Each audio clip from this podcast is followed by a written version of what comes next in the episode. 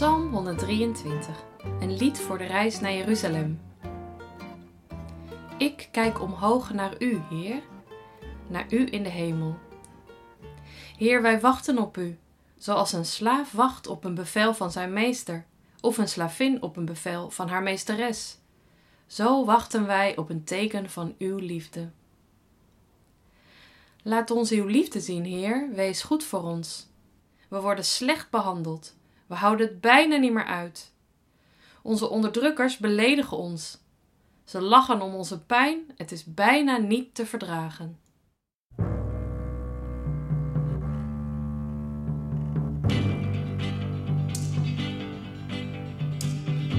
Nobody knows the trouble that I've seen. Nobody knows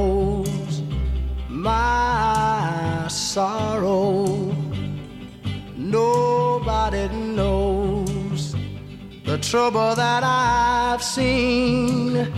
Glory, hallelujah. Nobody knows the trouble that I've seen.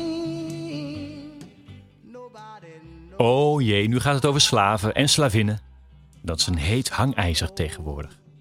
Moeten we nou wel excuses maken of niet? Komen er rechtszaken?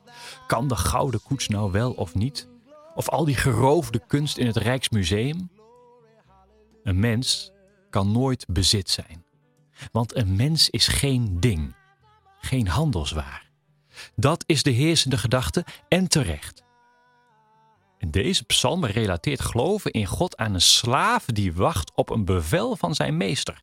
Schande! We laten ons toch zeker niet dwingen? God is toch je vriend, je buddy en niet je meester? Geloven staat in de Bijbel gelijk aan gehoorzaamheid. Ongeloof is bij God altijd ongehoorzaam zijn. Dat vinden we gek tegenwoordig, want wij verstaan geloof vooral als iets tussen de oren. Of iets dat je moet voelen. Ik voel zo weinig van God. Hoor je dat wel eens? Dat is vrij modern gedacht. Nergens in de Bijbel staat dat je God moet voelen als een emotie. En dus toch maar die enigszins afschrikwekkende gedachte aanhouden: God is een God die je moet gehoorzamen, die je gehoorzaamheid waardig is. Zoals een slaaf wacht op het bevel van zijn meester, zo wachten wij op een teken van uw liefde. Dichte psalm. God is hier geen strenge meester, maar juist een goede, iemand die juist bevrijdt.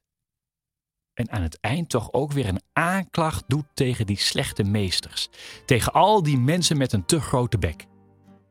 Onze onderdrukkers beledigen ons. Ze lachen om onze pijn. Het is bijna niet te verdragen, staat er. Het is duidelijk, God maakt geen slaven.